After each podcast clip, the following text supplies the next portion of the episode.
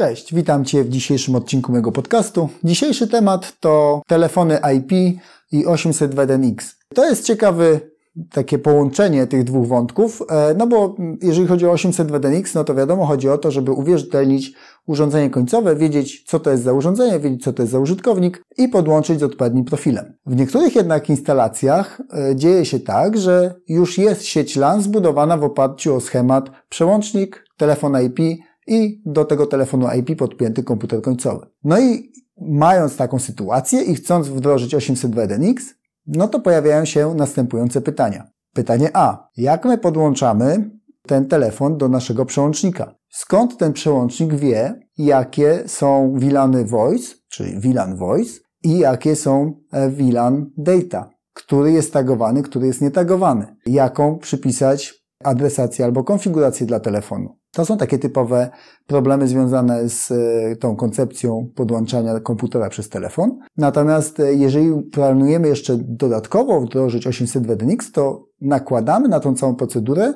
jeszcze nasz proces uwierzytelniania. No i teraz jak to może wyglądać? Pierwszy krok jest taki, e, że najczęściej jak się taki telefon podłącza do sieci, to najszybciej pojawia się komunikacja z komputerem, czyli ten wewnętrzny taki przełącznik jest e, uruchamiany najszybciej i po prostu pakiety nietagowane są przekazywane od komputera do przełącznika. No a przełącznik jak dostaje taki pakiet, no to e, standardowo mówi, o ok, no jakieś urządzenie w VLANie nietagowanym, czyli sprawdzam uwierzytelnienie i przypisuję go do VLANu w zależności od tego, co otrzymam. Jeżeli przy 800 WDNX nie otrzyma żadnej informacji dodatkowej taki przełącznik o numerze VLANu, czy nazwie, no to wtedy przypisuję po prostu e, do VLANu dopisanego do tego portu. Jeżeli otrzyma ten przełącznik informację, że no to dla tego urządzenia to VLAN na przykład setny, oznacza to, że na tym porcie VLAN setny będzie nietagowany. No i to jest jakby taka sytuacja w pierwszym kroku uwierzytelniania 800 WDNX. Co się dzieje w drugim kroku? Potem następuje uruchomienie pełne tego telefonu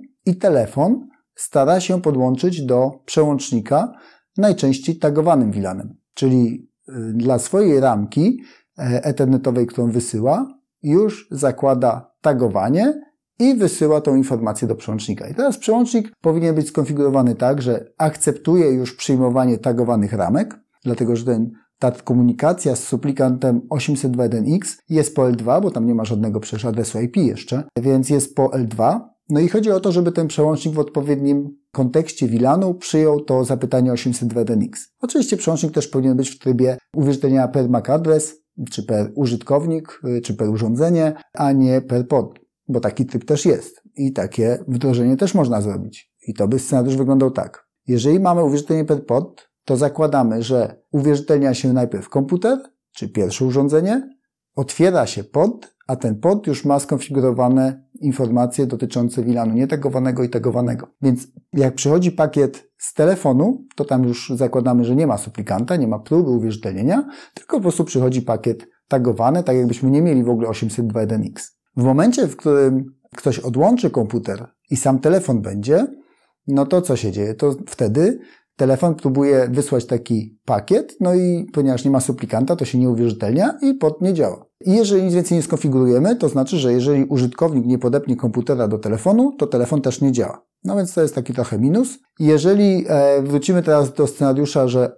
telefon też ma suplikanta 800 WDNX, no to próbuje się uwierzytelnić. Jeżeli mu się uda, no to zostaje przypisany oczywiście odpowiedni e, tagowany VLAN i wtedy wszystko powinno działać właściwie. Ale możemy przypisywać te tagowane i nietagowane VLAny dla telefonu i komputera, natomiast przy uwierzytelnianiu, czy tej metodzie wykorzystującej uwierzytelnianie i przypisywanie do voice VLANu, tu nie mamy informacji o priorytecie. Czyli jeżeli byśmy chcieli uwierzytelniać, przypisywać do VLANu i jeszcze do tego nakładać priorytet voice'owy, to musielibyśmy jeszcze dodatkowo e, zastosować mechanizm na przykład wypychania informacji o profilu QoS e, z radiusa. No bo tak to e, zapewne będzie działać. Alternatywnie można rozważyć, czy po LLDP ten telefon nie potrafi być wykryty na przełączniku, bo jeżeli nie używamy 800 WDNX, to bardzo często w dzisiejszych implementacjach używamy po prostu LDP do przekazywania podstawowej informacji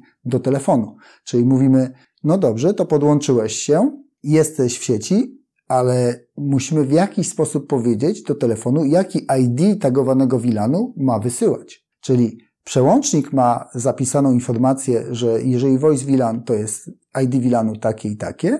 I teraz jeżeli się podłącza ten telefon, to przełącznik po LLDP wysyła informację do telefonu, to tagowanym VLANem dla Ciebie powinien być VLAN na przykład dwusetny. No i wtedy telefon wie, jaki ID VLANu powinien przypisywać. Można oczywiście ten temat też e, jeszcze rozwiązać w ten sposób, że statycznie w konfiguracji telefonu przypisujemy, jaki ID VLANu ma wykorzystywać i jaki ma być e, ten, ten podział pomiędzy VLAN Data i Voice. No ale nadal jest jeszcze temat do rozpatrzenia markowania QoS-owego. Czyli możemy markować QoS oczywiście na telefonie. Mamy możliwość markowania tego ruchu na przełączniku, czyli mówimy, jeżeli jest w tym wilanie, to przypisuj mu taki znacznik jakości, ale oczywiście możemy też to robić na telefonie. Tyle tylko tutaj e, jest taki dylemat do rozwiązania, czy my ufamy markowaniu urządzenia końcowego. I to trochę jest powiązane z 800 WDNX, bo tak, jeżeli e, wiemy, że to urządzenie jest zaufane, no to wtedy jesteśmy skłonni bardziej ufać markowaniu QS-owemu, że te pakiety voice'owe powinny być przeprocesowane z wyższym priorytetem ważności. Więc jeżeli uwierzytelniamy, no to ja bym był dużo bardziej skłonny do uwierzenia, że ten profil QoS z telefonu wychodzący będzie dla nas wiarygodny. Jeżeli ten telefon nie jest uwierzytelniany, no to jest ten problem, że przecież zawsze może być tak, że ktoś odłączy telefon, podłączy laptopa, który będzie się podawał za ten telefon, no i w związku z tym uzyska jakiś tam dodatkowy dostęp. Oczywiście, jeżeli mówimy już o etapie takim, że ktoś tutaj nie mamy uwierzytelnienia i ktoś się podszywa pod telefon, dostaje się do głosowego wilanu i tam próbuje coś atakować, no to w zasadzie ten QS nas tutaj w tym kontekście też nie boli jakoś specjalnie mocno, bo naszym zmartwieniem jest to, że jest niebezpiecznie po prostu. Wracając jakby do tego podstawowego wątku, chcielibyśmy, jeżeli tylko to jest możliwe, uwierzytelniać każde urządzenie, telefon, PC-ta, Najlepiej suplikantem 802 DNX i najlepiej, jeżeli e, możemy zainstalować certyfikaty. W związku z tym e, do tego modelu dążymy. Niestety rzeczywistość jest różna. Jeżeli mamy urządzenia takie, które nie wspierają suplikanta 802 DNX, no do tego nie przeskoczymy.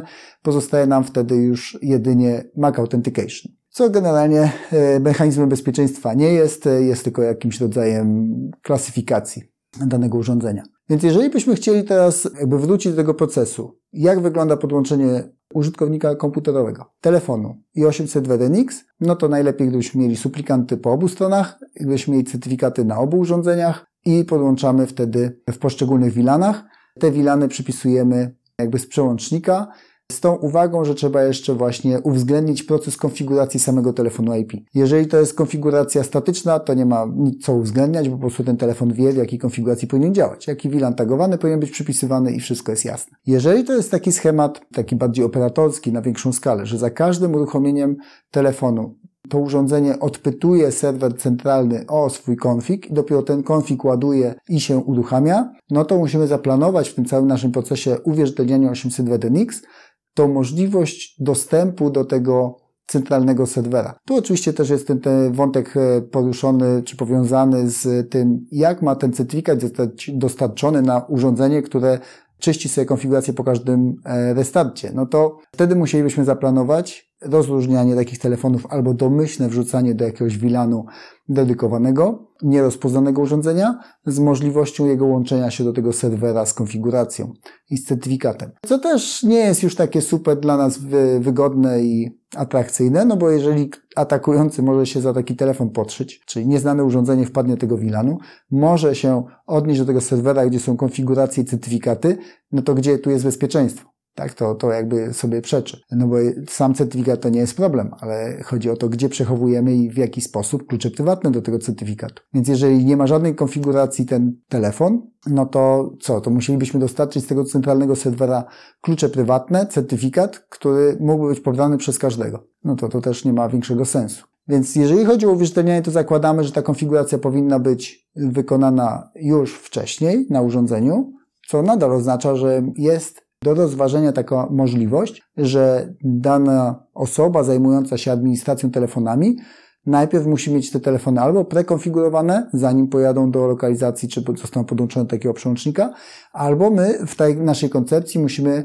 taki VLAN provisioningu przewidzieć, czyli możemy go tam wrzucić, ten VLAN e, taki do pierwszej konfiguracji, wszystkie urządzenia, które nie uwierzytelnią się właściwie, możemy tam dorzucić. Do tego VLANu powinien mieć dostęp wtedy taki administrator skryptem, mechanizmem, systemem zarządzania, obojętnie jakim i stworzyć taką konfigurację na tym urządzeniu zapisaną w pamięci tego urządzenia razem z certyfikatem, a następnie ponownie próbować podłączyć to urządzenie, ten, ten telefon do naszego przełącznika. I dzięki temu mamy możliwość wykreowania bezpiecznego scenariusza podłączenia urządzeń końcowych, aczkolwiek komplikuje nam się oczywiście cały proces provisioningu, konfiguracji i podłączania tego naszego całego rozwiązania IP telefonii. No ale coś za coś. Nie da się mieć bezpieczniej i e, nie wkładać w to dodatkowej pracy. Po prostu tak zwyczajnie się nie da. Jeżeli miałbym oczywiście super gotowe, zintegrowane rozwiązanie telefonii IP z 800 WDNX z jakimś konkretnym rozwiązaniem na konto, to wtedy się da ale ja jeszcze takiego rozwiązania nie widziałem, a zważywszy na to, że telefonia IP jest raczej coraz bardziej niszowa i ona tam pozostanie, czyli będą takie rozwiązania, ale one nie są powszechne, no to, no to raczej się nie ma co spodziewać, że tu jest jakiś duży potencjał dla producentów e, oprogramowania, że będą automatyzować ten akurat konkretny proces. Jeżeli masz jakieś do, pytania do tego tematu, to oczywiście pisz w komentarzu. Na dzisiaj Ci dziękuję i do usłyszenia już za tydzień.